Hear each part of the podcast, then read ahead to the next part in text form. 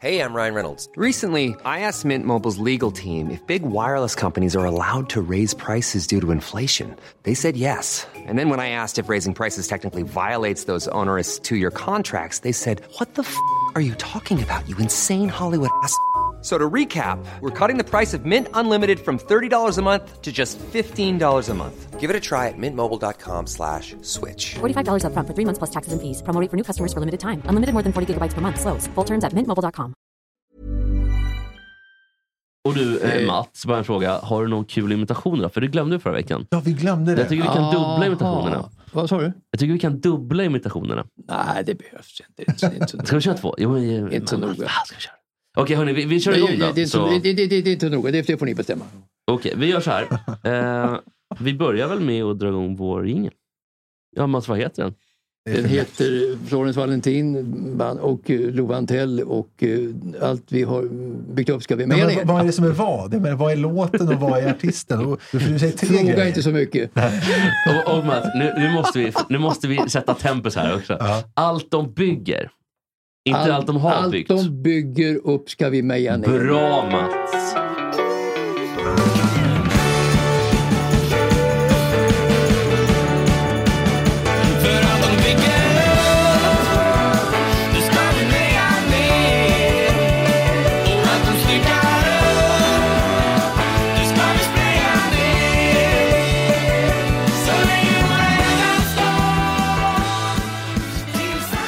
Tillsammans Så där, välkomna till veckans avsnitt av Gott Snack Sport. Alltid kul att ha er här, både lyssnare och deltagare. Olle Palmlöf. Ja, vi tänker mest på eh, Mats hund. Nu har Mats varit utan hund i Ja. drygt en vecka. Mm. Eh, hur, eh, Ja. Förra gången så var det eh, riktigt deppigt och sorgligt och gråt förstås. Hur, hur Ja, har det det, har nu? väl som alltid, eh, människans sätt att bli kvitt eh, sorger är ju tiden. Tiden läker alla sår. Men det tar väldigt lång tid, det gör det verkligen. Så att Är det en bra dag idag så att säga? Nej, ingen dag är en bra dag, det kan jag säga. Nej. Eh, Så är det. Så, så att det går väl lite kanske åt citat rätt håll. Eh, Rätt håll för min del då. Men, men eh, det känns ju väldigt eh, sorgligt alltjämt, det gör det. Vill du pr- prata om, eh, om hunden? Ja, gärna, gärna. Det var ju en älskad hund, det var det, som fick ett fantastiskt liv under 15 år. Nu måste jag fråga, var det ma- mal- Malle. Eh, Malle, Malle, Malle. Malle, ja. Har- Blir han begraven? Eh, Vi ska ta hem honom i en urna då, han ska ju kremeras och det, så att man har lite kvar Men det hemma. är inte gjort än? Inte gjort det än, vi har inte fått det än. Men det, det, det kommer, det kommer. Eh, Så att man vill ha någonting kvar utav hundens, ja, ande. Ja. Hemma. Ja, det vi- blir det någonstans. det man har. Men Jag tänker, det finns ju om man ska bara prata, om man tillåter sig själv att skoja lite om urnor och innehållet i urnor. Tör, törs vi det nu? Jag tycker vi gör det. Ja, okej, för, har ja. ni sett Ja, filmen, har ni sett filmen Meet the Fockers? Eller nej, vad heter den? Eh, Family, någonting med Släkten i värst tror jag den heter. Ja, Släkten är värst vet det, fast det, det, på engelska var det för svårt för Ja, mig. vad, vad hette den då? Ja, men Släkten är värst Meet the Family. ja. Släkten Ja, värst. ja. Med Robert De Niro och ehm, eh, Ben Stiller. Ja, ja. Och eh, Jack då, Jack Burns med Robert De Niro, ganska taskig svärfarsa, har ju unan då med um, innehållet som är döda morsan. Aha. Och den lyckas, vad, vad, tror ni händer då? Det är klart att han lyckas kasta katten i huset. Jaha. Så han träffar unan ner på marken och allt och så slickar katten i sig där. Nej! Sånt är inte kul. Nej, det var en jävla scen faktiskt. Men det, var, det är en komedifilm ska sägas. Ja, alltså det, man, man kan väl säga det kanske är kul, fast kanske inte det, det läget Nej. som du är nu. Nej, verkligen inte. Eh, Nej, jag, jag, dumt, nej, nej, men det, det gör inget. Men, men, men jag är känslig för allting. Så, sånt där, speciellt nu det. Ja, jag förstår. Brukar det vara det annars också?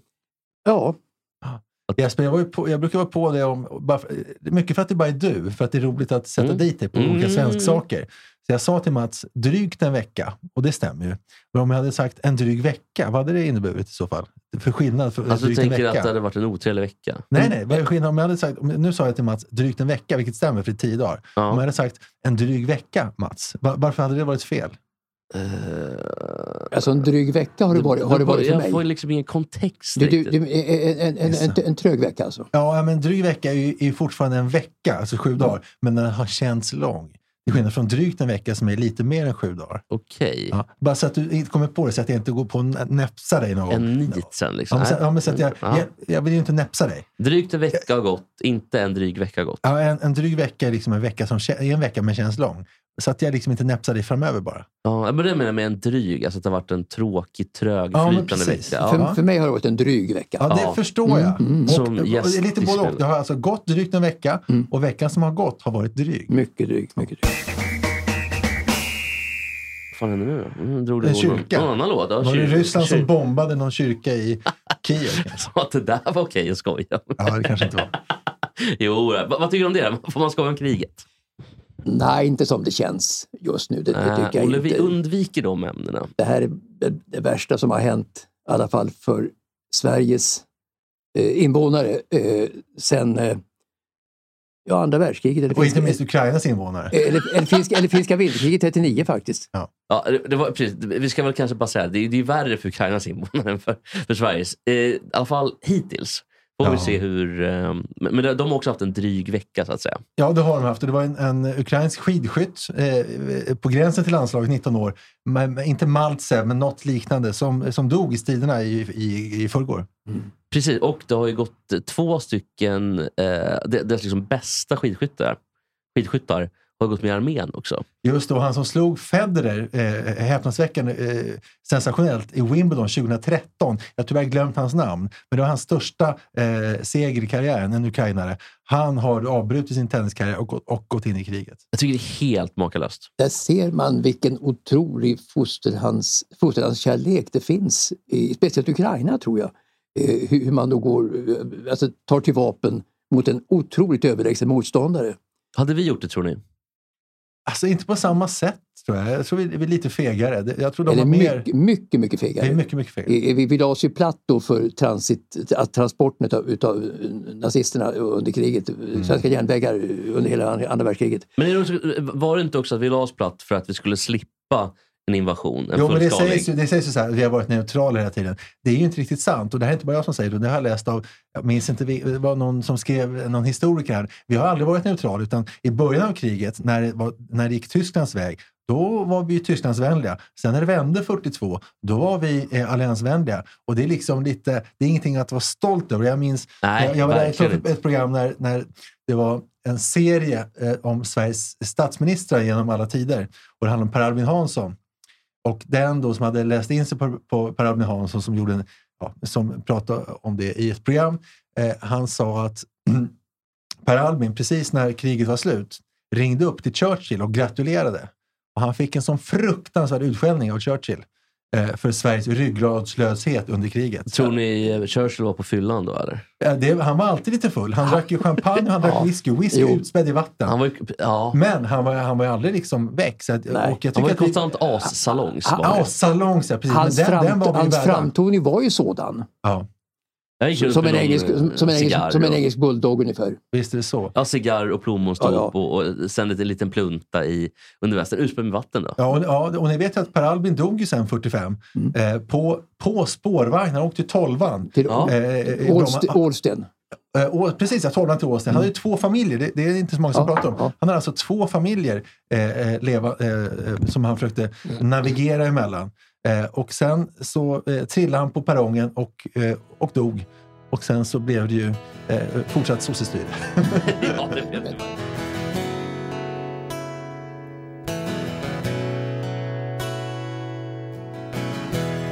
Jag var 20 år gammal Hon var en evighet Hon lärde mig leva och gråta Hon lärde mig allt jag vet Är det han som blev mobbad av Frank Andersson är från Trollhättan? Är det, vad heter han? Om jag säger Trollhättan, om jag säger Peter Mark. Ja, Peter Mark som blev mobbad av Frank Andersson. Ja. Ja, ja. Vad, vad tror ni att vi ska prata om då? Eh, Att Frank Andersson? Nej, jag ska prata om den andra. Varför la Peter Lemark av för? Alltså, han var ju scenrädd. Han var ju Okej. jätterädd för scenskräck. Han var rädd för scenen och för Frank Andersson. Du väntar till. Precis, han, var också, han var inte rädd för bly, han var rädd för själva scenen. Jo, men alltså, vi, vi ringde honom när vi skulle göra ett program om 56 när de fyllde 60 för ett eh, antal år sedan. Och då ringde Peter Lemark och han sa nej, jag vill inte prata om det för det bara ett sånt mörkt kapitel i mitt liv att jag gick omkring i flera år och var rädd för Frank Andersson.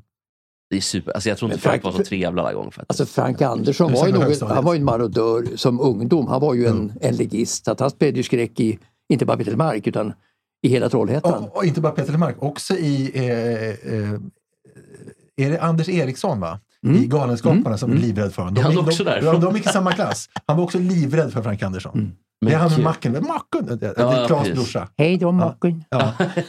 Ja. Men eh, tror ni Och på far, honom? farbror Frej, ni vet. Det var farbror Frej där framme. Du, du, du, var det han som var lite snuskig också? ja, alltså, den rollen var ju som farbror Frej. är Anders Eriksson 56 Jag vet inte. Jo, men det är klart att de har gått i samma klass. Ja. Nu blir Men kän- det känns... Ja, helt men vänta lite, borta. det känns också som att Frank Andersson skulle kunna gått om en klass. Kanske Det två. Så han gick med 58 nämligen. Kanske 59. Men det jag vill prata om egentligen är ju en annan Trollhättanbo. Nämligen Nils van der Poel.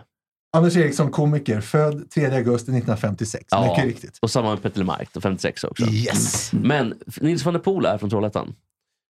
Och eh, alla känner till honom nu. Och det har ju varit stort palaver. Vi har bland annat pratat om honom i eh, vår systerpodd, då, eller moderpodd Gott Snack. Eh, där han har blivit lite sådär unisont hyllad för att han är Folk tycker att han är smart. Och, Alltså är du udda så blir du förlåten om du är duktig också. Så är det. precis, det är fan det bästa kombinationen. Lemark är 58, så han var lite yngre. Okej, Eh, så han men- kanske var mobbad i skolan ja, på något sätt. Alltså, Frank gick väl i sexan, han gick i fyran. Ja, Ja. så körde Ja, han mycket förlåt, så. fortsätt. Ja, nej men i alla fall van der Poel. Eh, han eh, är lite udda och kommer med... Det, det är verkligen så här kontexten. Att han kom, Sammanhanget. Sammanhanget, kanske man ska säga. Ja. Kontexten är när det är, spro, när det är Så är språkligt det. bara. Precis, jag tänkte det blev Ja. tvärtom. Herregud, ja. Ja, I sammanhanget då, eftersom det är liksom ett sammanhang av idrott där ingen kan uttrycka sig språkligt. Men då kommer han och säger saker som eh, ja, det är det viktigaste finns i att vara människa. Och sådana här saker Ja. som är så vansinnigt platta så att jag vet inte vart jag ska ta vägen. Här är plats. Det är Alltså- superplatt. alltså- Men, förlåt Mats, men jag tänkte säga bara med Poel. Det som hände nu var att han gav bort sin eh, medalj Mm. till en kinesisk författare. Och då sa han så här. Jag vill, eh, jag vill göra ett statement. Jag vågar inte göra det på, på, på podiet. Men vi har blivit utnyttjade av systemet. Men vänta lite här nu Nils. Jag vill bara liksom, så att vi gör det klart. Kina har varit en diktatur sedan 1949. Kina blev inte en diktatur magiskt under OS när du redan hade åkt dit. var, var inte rädd att bli typ fång, tillfångatagen i Kina under OS? Var det inte det? Alltså, något så Jo, så, så var det också. Ja. Absolut. Men om man tycker att han har blivit utnyttjad av kinesiska staten. Det måste han väl vetat om redan innan. Han kan ju inte fått, han kan inte fått reda på... Nej, I så fall är han ju eh, ett barn. Om man har fått reda på att Kina är en diktatur eh, under själva OS. Efter att han har vunnit de här medaljerna. eh, Två gulden. Han kunde skita i åka i så fall. För, det, för den kommer inte nå det kinesiska folket i alla fall. Sant. Och sen, eh, Anna, jag, jag ifrågasatte lite, han, han heter Gui Men- Gui Minhai, den här kinesen som han eh, Ja, just det. eh. Och jag frå, ifrågasatte länge svenskheten på honom. Men han var ju liksom i Sverige några år och pluggade. Och så fick han en dotter som är, svensk då. Eh, men så kom jag på, jag hade ju fel, han är ju svensk och det som bevisar det, det är att han hade landställe i Thailand. Så, men, så mycket Sverige, mer än Sverige så Som Kjell, Bergqvist då. Ja, men precis. Ja, det är det som gör honom svensk. Men mer, Ja. svensk på annat sätt, det är han ju inte. Om vi ska ärliga. Men, men Mats, Mats Olsson skrev i, i tidningen häromdagen, Expressen, att eh, han har skrivit mycket om, om eh, Nisse van der Poel, eller Nils van der Poel, man säger inte Nisse van der Poel. Nils van der Då Poel. blir han ju sur. jag. sur. Jo, Han sa det att jag menar, för honom att springa iväg då tio mil och köpa, köpa lite mjölk, det är vardagsmat. Ja, men det är också det, det är hela myten om honom, för att han är så konstig och han är, är något extra och, och han, är, han, han, går inte, precis, han går inte ner på Ica och köper mjölk utan då ska han springa och köpa mjölk och ska han ha någon Ja, i, i, i, i Nyköping alltså. Ja, Ja, precis. exakt. Ja, Ja, precis. ja, exakt. precis, ja. Han åker liksom från Trollhättan, raka spåren till Varberg och köper mjölk. Eller åker, han springer till Han Varberg. springer naturligtvis. Precis, 10 mil och så 10 mil tillbaka. Det är så jättekonstigt tycker jag. Men, men i alla fall så, eh, så sa han Eller också... springer västkusten upp och ner. Ja, exakt. Ja, Hela han tar hela västkusten, ja. precis. Han nästan nosar upp på Skanderna faktiskt. Ja. Men problemet tycker jag också att han eh, säger så här platta grejer som, jag tror att det var Nietzsche som sa. Det är mycket sånt där. Åh, har han koll på Nietzsche? Det är det man Han har ju inte det. Och Nej. jag tycker att folk, eh, jag tycker att folk är för, ehm, eh, för, är är för lättvindiga här och för lättpåverkade. Ha eh, liksom någon liten kritisk tanke till Nils van der Poel. Ja, och jag undrar, vad han den här eh, etiopiska eh, för- författaren som var fängslad så länge, vad heter han? Da, eh, är, David? Isak. David Isak. David ja, precis. Ja, David Isak. eh, eh, Isak. I Etiopien. I Etiopien, ja eh, Är det precis. inte Eritrea han är i? Jo, det är det nog. Men oavsett, på eh, TV-huset i Göteborg, då har de alltså en klocka som tickar för eh, hur länge eh, eh, David Isak har suttit fängslad. Eh, och då undrar jag, Martin Schibbye kom med en bok förra året där han hävdade att David Isak lever fortfarande. Ja, att han är någon form av kioskkung. Ja, men precis. Och, och det ska mycket till för att de ska ta bort den här klockan. Men tror ni att David Isak lever? Nej, för det var så otroligt lösa grunder från Schibbye. Det var bara att vi tror att det är en svensk. Alltså det var väldigt så. Och han det kan ju finnas, boken. det Men- kan ju också finnas två svenska eritreaner också. Jag tror nog att han lever. Du för tror att de, det vågar, de vågar nog inte se honom dö utav världsopinionens skäl. Det tror jag Han, inte. han har ju sett på den här Ludger Berban-filmen. Han, blir också bar- han är barrieren så att säga. Om- om jag får tippa så tror jag att han lever. Ja, vad spännande. Och då vill jag bara säga en annan sak. Att han brukar kallas för eh, dramatiker, David Isak. Och då tänker man lite på Shakespeare, kanske Lars Norén.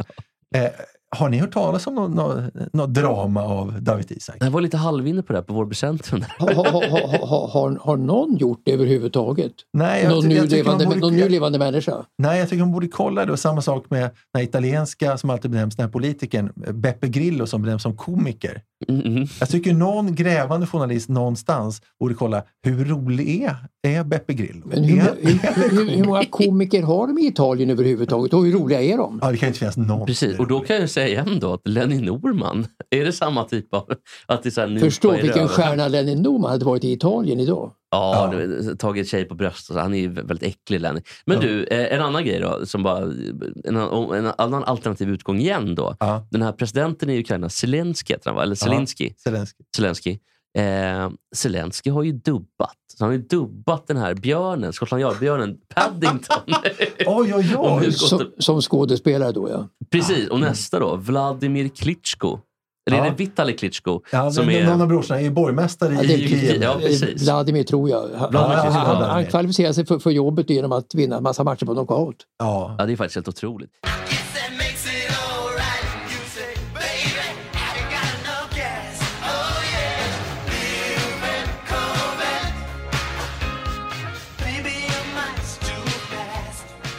Det är väl Är segway. Prins 56 Jag tror att han är 53 typ.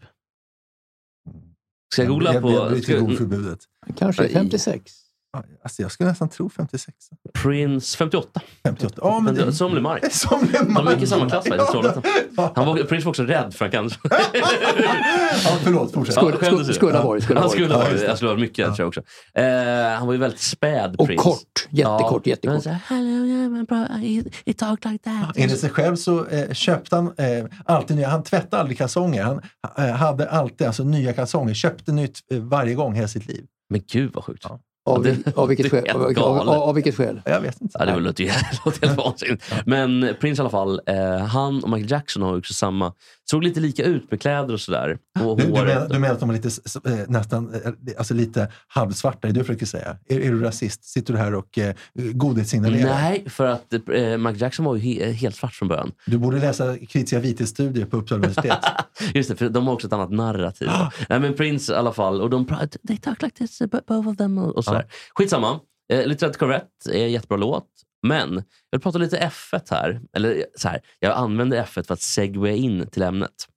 Eh, det är nämligen så att F1-föraren Matsepin, som är en rysk förare, kommer att få köra för eh, skitteamet Haas. Det är ju de, eh, alltså bil eh, och, och simmare som får fortsätta. Och tennis också. Och tennis, okej. Det är de tre och sen är det lite olika grader på det här. Vissa kommer få vara under um, olympisk flagg och vissa kommer få vara... Jo, men det var det som fotbollsförbundet försökte ju, eh, eh, dra till att det skulle vara att de skulle få eh, tävla, fast inte under den ryska flaggan, utan bara under, eh, alltså, eh, alltså vad, heter, vad säger man då? Ungefär som ja, en neutral flagg typ Det egentligen. gamla, det gamla, det var ju ryska det gamla det oberoende samvälde som eh, Sovjetunionen just föll ner i innan, det, innan det blev det, Ryssland. ja. Så Det var en specialflagga. Och man försökte ju sminka en gris helt enkelt. Mm. Det var ju det man gjorde. Eh, men det som har hänt då är ju att Ryssland får inte spela fotboll, Ryssland får inte vara med i hockey-VM. Det tycker jag ändå att det har ju förbunden stått upp bra. Men vad tycker ni då? Tycker ni att eh, ry- ryska Formel 1-förare, ryska tennisspelare ska få spela? Eller liksom, Ja, så ta tennis till exempel, så de spelar ju inte för sitt land direkt, det gör de ju inte. Det, det är ju inte någon lagtävling för, för, Sovjet, för, för Ryssland. Det är, det Är inte. samma symbolik kanske? de som- spelar ju mera som egna affärsmän på något sätt. Ungefär som i golf då. Golf är det kanske ännu mindre eh, nationen som ligger bakom utan det är ju sin eget, sitt eget företag som de spelar med i tennis och golf. Så att, eh, ja, det är en svår sak att säga faktiskt. Det, Medvedev där, ska han eh, behöva, eller ska han stängas utav? Jag vet inte riktigt. Jag tycker nog att det är bra om, om de på alla sätt och vis får Alltså han Putin på alla sätt och vis, för han är den enda kanske som vill kriga i hela, hela Ryssland, får alla emot sig. Jag tror att det är bra att vara rak där. Eh, faktiskt. Jag, jag tycker nog att, att de inte ska få. Även men mot cancelling i vanliga fall. Så, men här är det lite speciellt. Jag förstår att Ja. alla, alla goda krafter måste ju dä- dämmas upp emot, emot Putin, det, det förstår jag verk, verkligen också. Men det är skillnaden då kanske att spela fotboll, alltså Ryssland spelar fotboll i playoff eller Tjatjanov spelar tennis. Det Jo, lite, men vi var också inne på eh, skidförbundet FIS. Det är kul att det heter FIS. Ja, Eh, det var- han han fick också backa. Halvkul Han-. För de, är de är i Norge nu och sen så skulle de få tävla och fick ju kritik. Och nu har ju ryssarna åkt från Norge till Ryssland. Och ordföranden där eh, är ju faktiskt en superrik svensk som heter Johan Elias. Eh, han Är är, det- ordförande i, i FIS. Är det han med uh, headskidorna? Fan, nu förstörde du min fråga. Så om vi klipper bort den så ska vi ta en fråga här istället. Johan Elias, så ta en rolig fråga, en quizfråga som jag... Ibland kör vi quiz. Ja, Ja, ska vi ta eh, jingle quiz? ah, okej.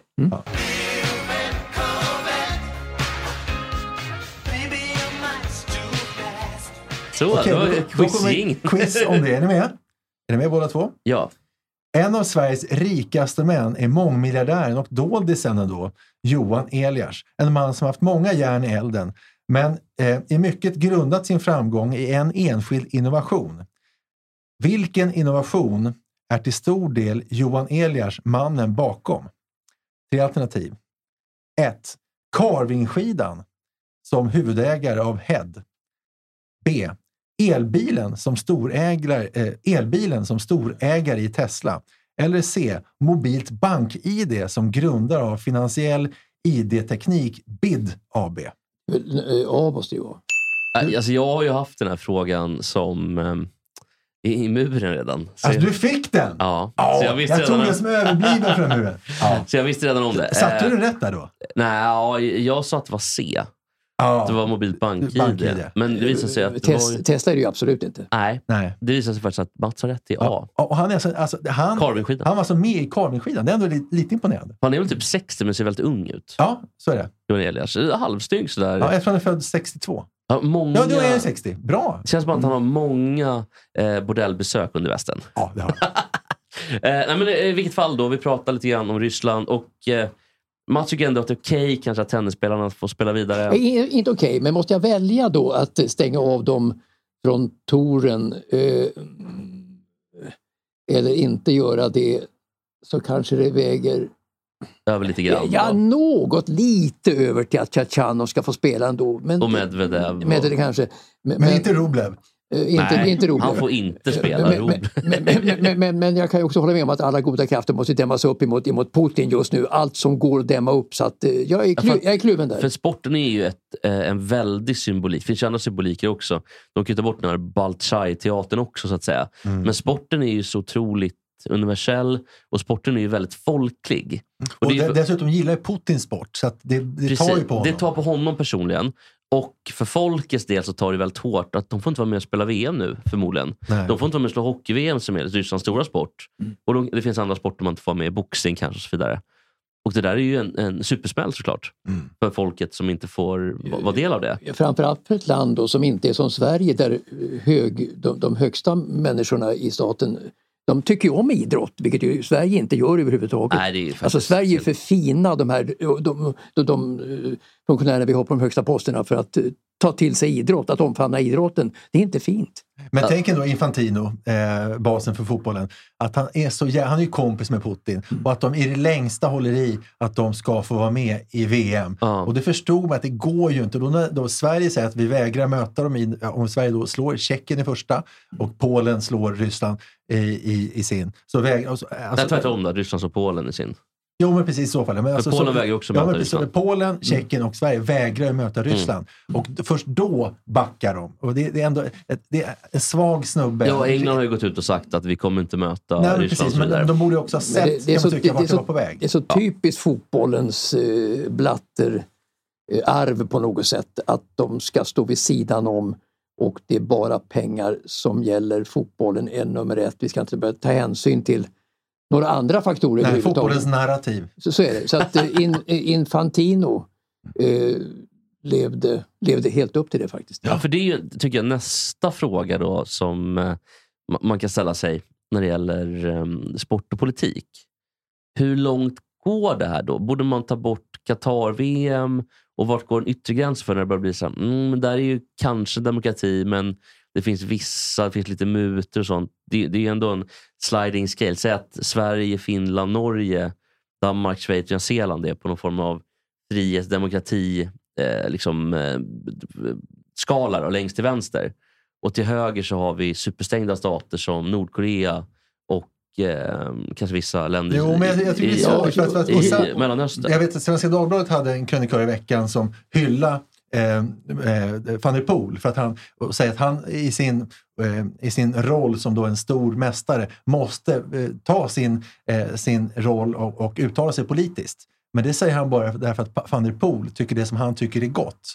Tycker man samma sak om det är någon som inte tycker som van der Poel och tycker saker som är kanske fel. Då? Så jag, jag tycker det är en svår väg att vandra. För också att Kina är ju en diktatur, Ja. får man, får man verkligen Oh, säga. ja, en ja, kommunistdiktatur. oh, ja.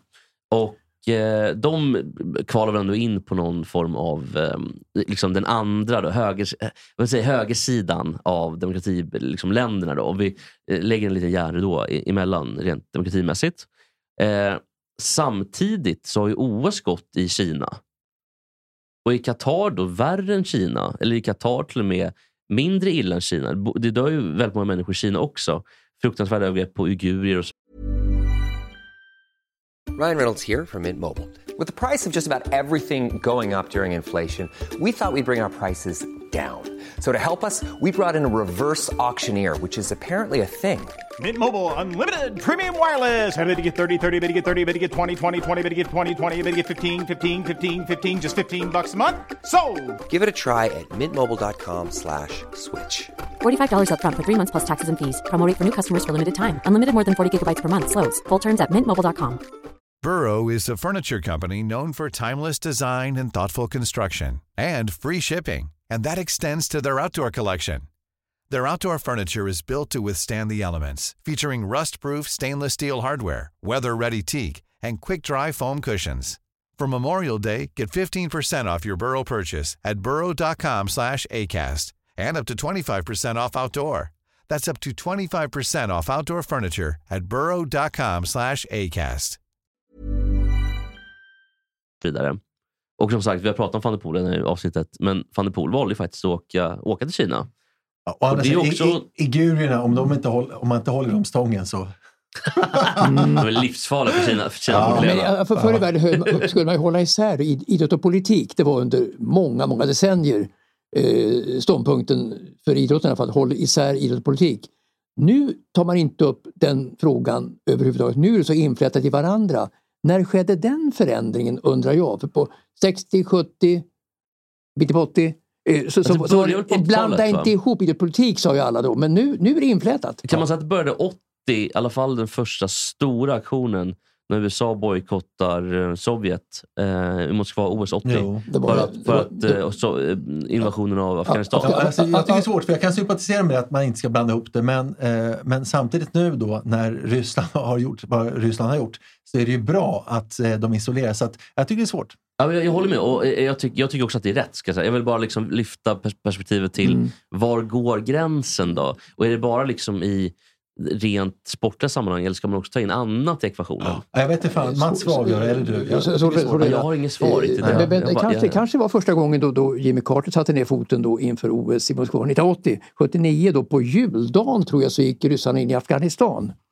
Jag kommer inte ihåg vad orsaken var men en rimlig orsak kan det kanske ha varit, vilket jag inte tror att det var i och för sig. Men, men, men, men sen bojkottade ju också eh, ryssarna OS i Los Angeles 1984, då, fyra år senare. Ja, det var väl samma anledningar som nu och eh, framförallt så hade man ju en eh, de, de anledningarna och, som man sa utåt var ju att vi är under attack i princip. Men Afghanistan hade ju inte attackerat Ryssland. Nej, eh, tvärtom. Alltså, det, det, det, kriget i Afghanistan, eh, invasionen av ryssarna 79, då, juldagen, det gick ju långt under radarn faktiskt. Det var ju Det började så, inga rapporter därifrån om vad som hände. Jag vet inte om det blev känt i stora drag vad som hände överhuvudtaget. På den tiden var ju Afghanistan väldigt, väldigt långt bort eh, för alla Långt bort i stan på alla, alla västmedier överhuvudtaget. Mm. Så, så att eh, det försvann liksom i tomma intet, den där, utom då för Jimmy Carter som av politiska skäl då ville markera.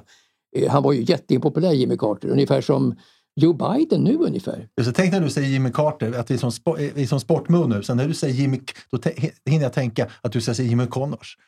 Lustigt. Och det, vad var det han sa inför Wimbledon 76? Han sa väl, här är nästan hundratalet förlorare och jag. Det var, jag. Det, Ja, var, det, i Björnborg. det var jag kvar. Ja. Eh, Just det, just det. Jimmy Connors var ju också en storskrävlare, vilket ju kanske Jimmy Carter på sätt och vis var också en storskrävlare. Men Jimmy Connors var en enorm Men var storskrävlare. inte Jimmy Carter tvärtom? Att han var, var, var supertimid och liksom nästan så här, förlåt, förlåt. Det var på den- Han, lev, han lever väl han är väl Han han är lever- en av han få lever- som är vid liv. Ja, från han, han den- lever, Jimmy Connors. eh, Född 52 för 70-tals. övrigt, eh, Jimmy Connors. Vilket år? Eh, 52. Ja, Connors ja. Connors. ja. Och Carter då? Eh, Carter, 48 Carter eller? jag var på OS eh, i... eh, i, i Nej, 48 i- kan det inte vara. Jag, jag, Nej, jag gissar på att han är född före Palme. Ja, Jag ja, gissar på ja, att han är född herregud. 26. Alltså, Jimmy Carter Ja, jag lever också det. fortfarande. Han är jättegammal och i Atlanta så är han ju jättestor 27. efter sin, kar- efter sin karriär. Jag gissar att han är Han- född han- 24 i Plains, Georgia.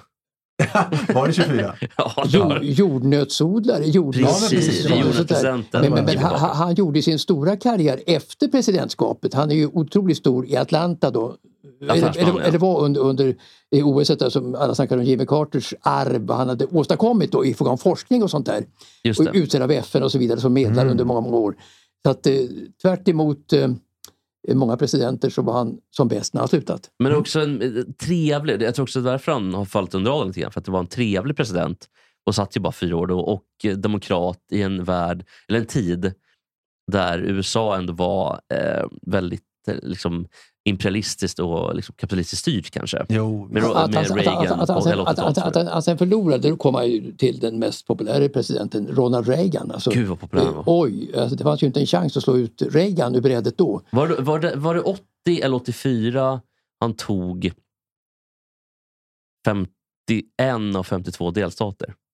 Eller f- 49 av 50 delstater. var inte valet 81 när han slog ut Con- eh, Connors? Ja, han blev president 81. Alltså, Ja, ja, alltså, ja. Innes för, jag tror, Ja. och valet var 80. Ja, okej. Och då är Ja, frågan, precis. var, var, var det då han tog 49 av 50 delstater? Ja,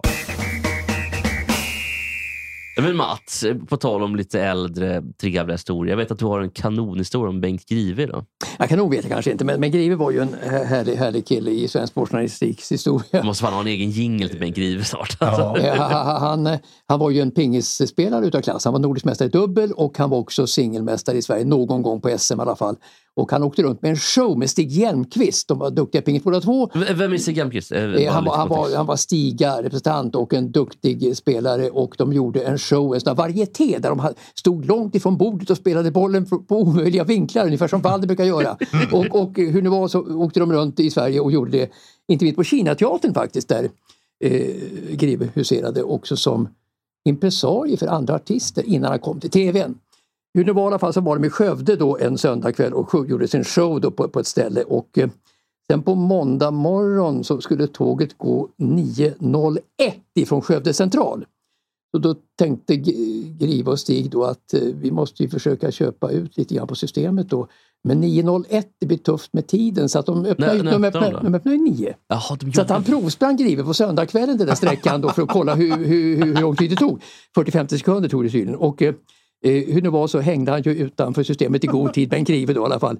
Och eh, en oskyldig kassörska då på Systembolaget i Skövde såg en kille stå liksom med näsan tryckt emot, emot, emot, emot, emot glaset där och ville in då.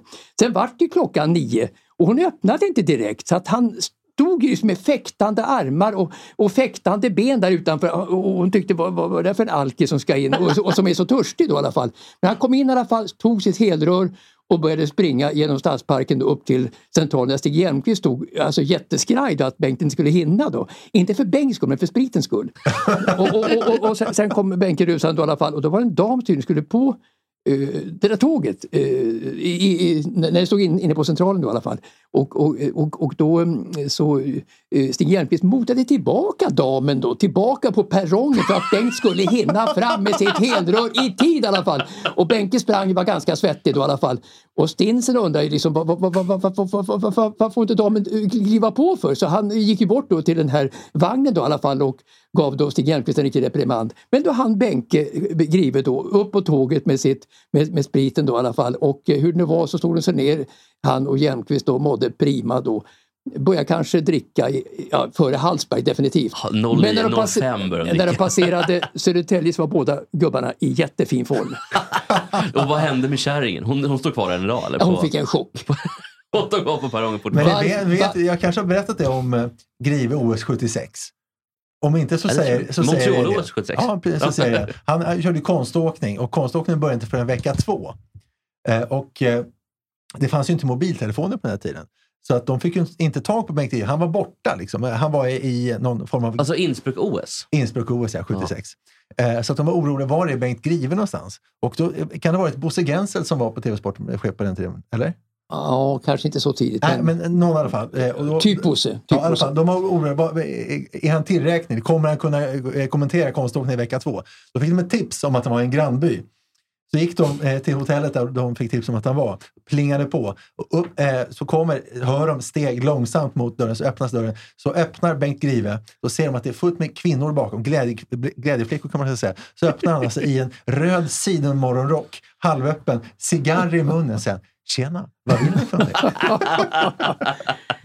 Ja, då hade Bengt... Han skulle så att säga kommentera konståkningsflickor. Det blev glädjeflickor. Li, en, en legendar. En legendar, Bengt Ja. Grive.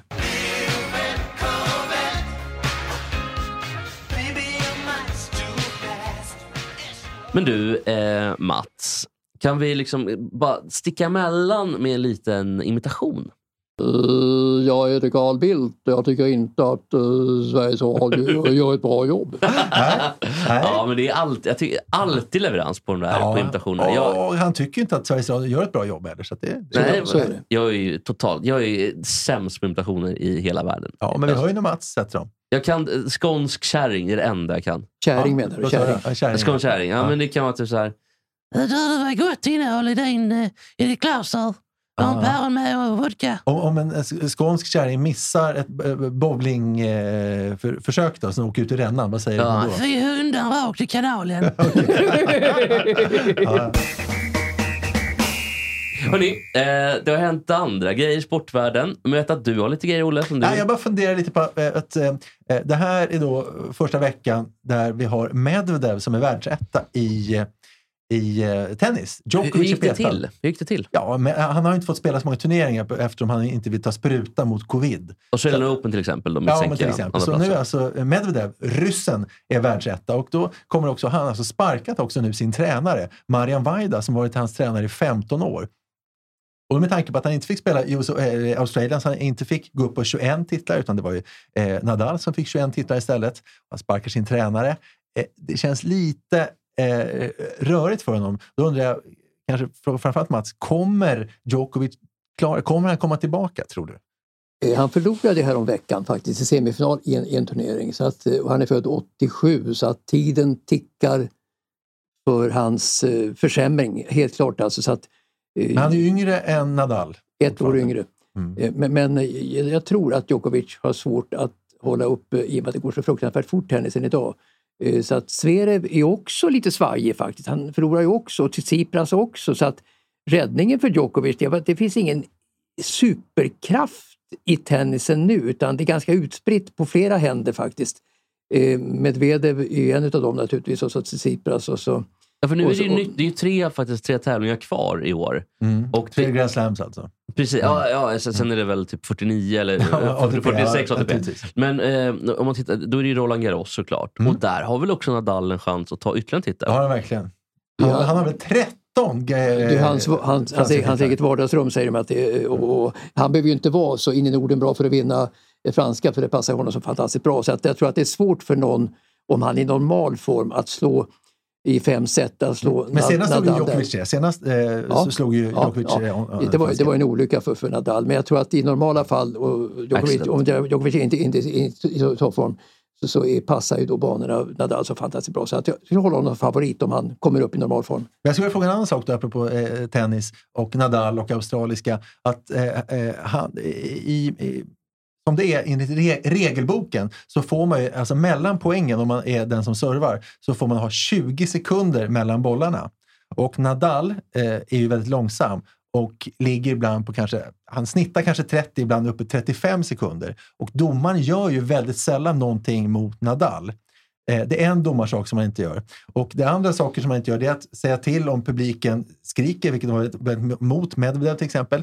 Domaren gör ingenting. Och dessutom med australiska så har vi inte linjemän längre utan det är liksom Hawkeye dömer ju allting. Domaren i tennis, eh, vad ska han eller hon göra? Behövs en domare i tennis? Och coachningen också. Tsitsipas blir coachad av sin farsa hela tiden. Domaren gör ingenting. Eh, Domarens framtid i tennis, Mats. Behövs en domare? Kommer vi ha domare? För det första då så, så, så sa vi ju här att eh, om du är udda och så vidare, om du blir mobbad som människa i vanliga fall, men är du jätte, jätteduktig så slipper du det problemet. Som Nils van der Poel och, även Ingmar Bergman faktiskt. Han slapp ju också det för att han var så fantastiskt duktig. Eh, så, så satt det är en fördel. Men ehm, likadant i tennis, alltså är du en världsstjärna då och oumbärlig som Nadal och Djokovic och Federer är så har de eh, inneboende möjligheter att överskrida reglerna. Så, så är det ju. Det, sånt där tillåts ju inte för, en- för en eh, en medelmåtta överhuvudtaget. Då sätter man ner foten. Men, men alltså, stora stjärnor som är behövliga för sporten går utanför regelverket. Men är domarna behövliga då? För att, Ja, men det är det jag undrar. Alltså för en domare, vad ska domaren i tennis göra? Om det inte finns att döma för linjerna längre och de inte sköter tidgrejen, de sköter inte publiken, de sköter inte coachning, vilket man inte får göra. Vad ska domaren göra? Behövs domaren? Ta emot själv. Ja, jo, kanske. Ja, men, precis, för jag tänker att i fotbollen är det ändå så att det finns ju de, em, en liknande situation, där tidsmässiga, är ju när målvakten tar upp bollen eh, innan utsparkar. Det kan ju ta en väldig tid. Det ska ju ta, är det sex sekunder? Det kan ju vara uppåt en 35 sekunder ibland, Mm. om det är som värst. Eller i alla fall ja, 20-30 sekunder ska jag säga. Eh, men det låter man ju passera. Men där har ju domaren ändå en fun- annan funktion med tacklingar och liksom alla regelbrott som sker och så vidare. Men i tennis, det är ju väl, verkligen mycket. Det, det är väl mest linjerna va? Jo, visst är det det. Och linjedomaren är ju borta då i vissa turneringar när, när det då är det istället. väl en symbol utav tradition på något sätt också. Alltså, I tennis vill man ju ha som det liksom har alltid har varit. Så att ändra för mycket tror jag väcker negativa reaktioner i tennisen. Det tror jag. Jo, men om vi ska få, få svar från dig Mats. eh, Om, eh, vi ser fem år framåt, kommer det finnas domare i tennis? Jag tror det. Och vad ska domaren göra då? då? Sitta i ton. Ja, som en symbol. Som en symbol, lite Mm. som eh, svenska kungen. Ungefär så.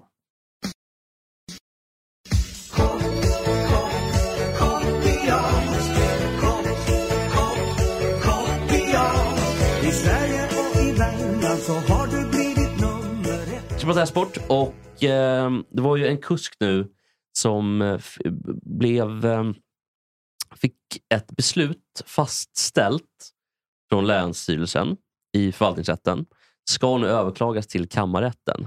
Det som har hänt är att efter ett av loppen som han har, eh, han körde något lopp på V75 och vann tror jag till och med. Då hittade, man, hittade banveterinären då, om det var Jägersro eller någon annan bana, hittade märken på hästen. Mhm. Och det, hittar man märken så ska man automatiskt Alltså på förstå. benen som barrering då, som är hästhoppning? Eller vad du märker? Nej, man har hittat märken på, liksom, på tror jag, på ryggen på hästen. Ja, alltså som, som en piskad häst? Exakt, Usch, piskmärken. usch, usch. Och du får ju driva till viss del. Eh, du får ju med tömmarna och du får ju eh, slå på den här eh, på stålkonstruktionen. Du får ju under inga omständigheter, i alla fall regel, så här enhandare då, att du slår med handen som de gör i mycket Italien, Frankrike och USA. Eh, och Det som har hänt är då att han har blivit av. Han har fått ett års körförbud Mhm. med sitt körspö. Mm. Och nu blir han helt av med det. Han har det har sån in- inhibition, då, att man, upp, man skjuter upp ett beslut helt enkelt. Och då har han fått möjlighet då att under tiden från beslutet från Länsstyrelsen till förvaltningsrättens dom då, så har han fått möjlighet att köra. Nu får, kommer han inte få köra längre. Det är ett år där Joakim Löfgren, kusken då, kommer bli eh, borttagen helt enkelt med, från körspöet. Och det han och hela travvärlden reagerar på är att det finns så mycket värre incidenter än det här.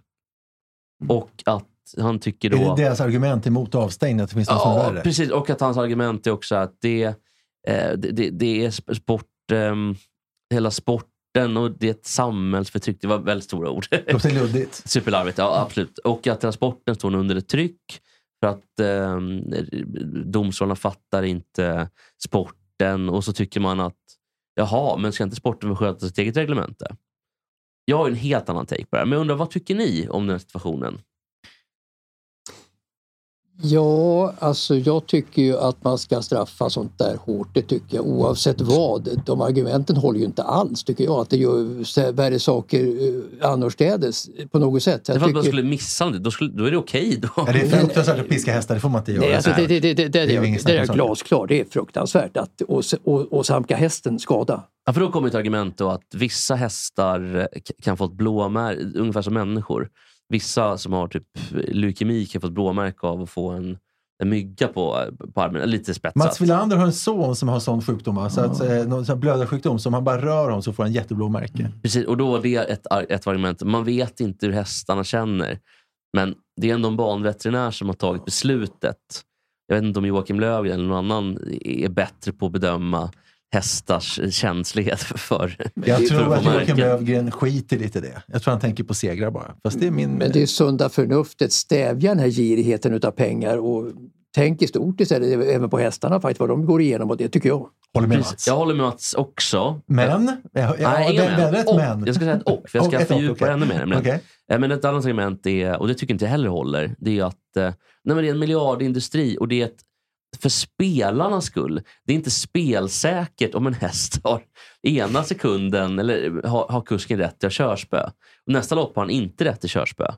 Alltså spelsäkerheten eh, är väl fan totalt sekundär här. det- Irrelevant, det- det ordet. Det är ett ännu sämre argument för någonting att åsamka hästen. Ja, det var två dåliga argument. Ja, jag tycker det är två usla argument. Men eh, det finns säkert bättre argument än vad jag för fram. Jag vet inte. Men det, min take i alla fall. För då hävdar man så här. Sporten har sitt reglemente. Sporten ska få göra som sporten vill. Det där stämmer inte. Sporten har fått sina rättigheter till att få fram ett reglemente från övriga samhället. Det är vi som samhälle som ger sporten möjlighet att under ordnade former komma fram till ett vettigt reglemente. Och Då säger man, jo men det där hade bara gett gult kort i en fotbollsmatch. Ja, men då måste man förstå att samtycket mellan två spelare är att få tackla. För en tackling kan ju vara en grov misshandel på stan. Men då har du någonstans, genom det som heter social adekvans, då, gett ett samtycke till att du ska få tackla eh, bli, och bli tacklad. Jo, men hur ska en häst kunna ge samtycke till att bli Precis, piskad? det är det som är så jävla dumt.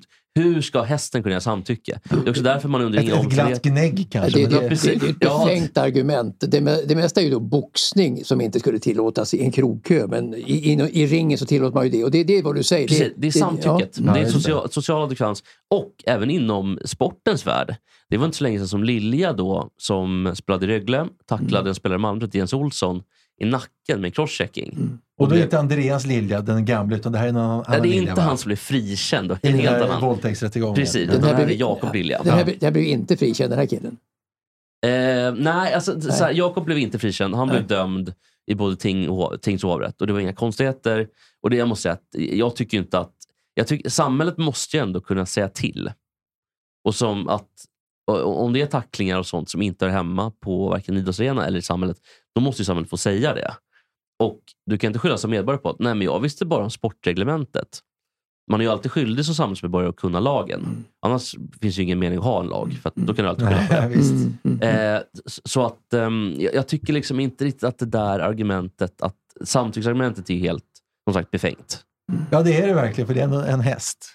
ja, och hästen är väl alltid det viktigaste. Ja. Måste det väl vara. Jag bara säga, det värsta jag har sett, det här, det är alltså piska en häst är vidrigt, men jag skulle säga, jag har sett eh, nå- något som är så fruktansvärt, så när jag, om jag tänker på det så, så vill jag nästan dö. Jag åkte bakom en hästtransport en gång, alltså med, ett sån här, som en liten husvagn, fast en häst står i. Och sen åkte botten ur Ah, och hästen åkte och släpades mot asfalten på motorväg. Det värsta jag sett. Åh, på väg till Lofsdalen var det. Samma år förresten som Olof Palme, 86 var det. jag var liten. Den Det där, alltså, jag tycker mer synd om hästen än Palme dessvärre. Ja, ja, nej, det var... Det var, Det var frukt- det mest fruktansvärt. Palme var ju inte synd om på det sättet. Nej, men det var... Han dog ju fort också. Ja. Jo, ja, ja, men men, men, men det, det går inte Ja. nog att, eh, hur avskyvärt det är sånt där när hästar eller, eller djur hamnar i sådana vansinniga situationer genom människans försorg. Ja, för det, precis, och det, det är samma då med, med den här barrieringen som man brukar prata om och som Ludger, jag tror vi sa det förra veckan. Ja, tyskar gillar ju det. Ludger Beerbaum, precis. Att de, de sätter upp eh, hindren så jävla högt upp. Att de ska träffa benen för att de inte ska... För att det ska bli, då, då vet att det gör ont och då tar de i extra mycket. Ja, men de slår också med käppar på, på, på frambenen när de hoppar oavsett. Ja, ja visst. Och det Men, ju, men det är väl på väg bort allt det där? Va? Säkert. Ja, men det, det var ju det som eh, man, man tror ju då, det är ju strängt, strikt förbjudet. Nu har ju Lud- Ludger Beerbaum då fått djurförbud om man ska, vilket är jättebra. Men det är också ju bra namn, Beerbaum. Ludger Beerbaum.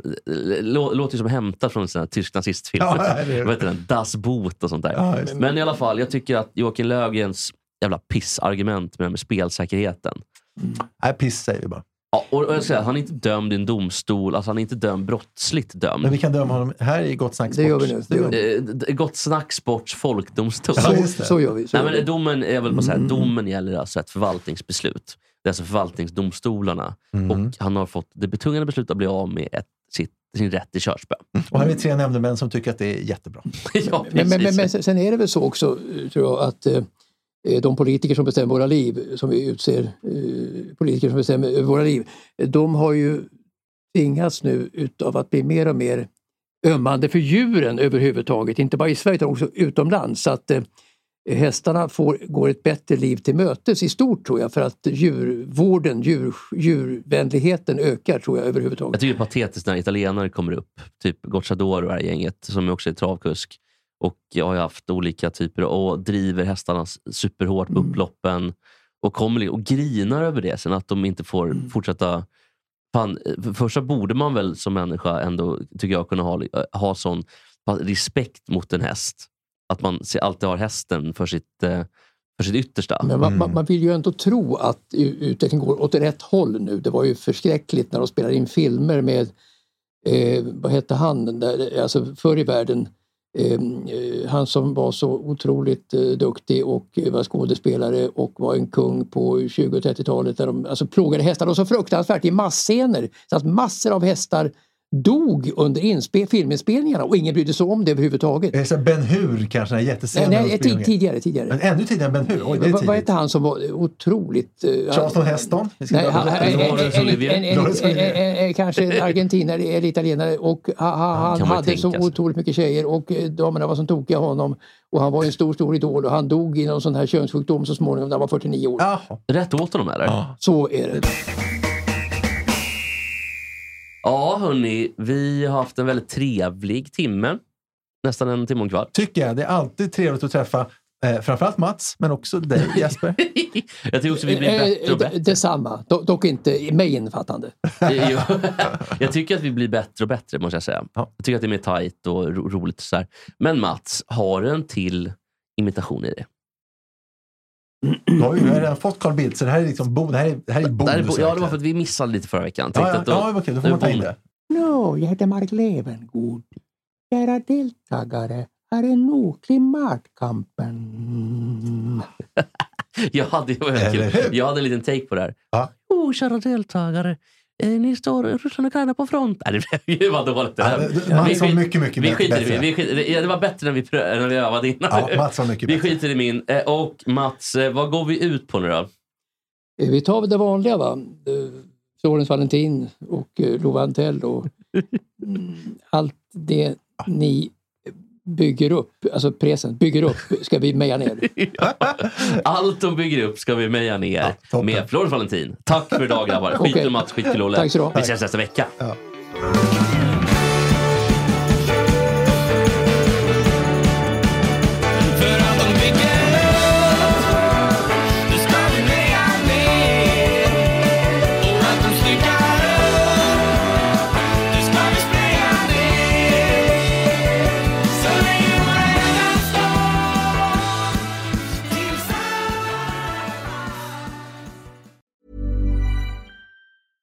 Mom deserves the best, and there's no better place to shop for Mother's Day than Whole Foods Market. They're your destination for unbeatable savings, from premium gifts to show-stopping flowers and irresistible desserts. Start by saving 33% with Prime on all body care and candles. Then get a 15-stem bunch of tulips for just $9.99 each with Prime. Round out Mom's menu with festive rosé, irresistible berry chantilly cake, and more special treats. Come celebrate Mother's Day at Whole Foods Market.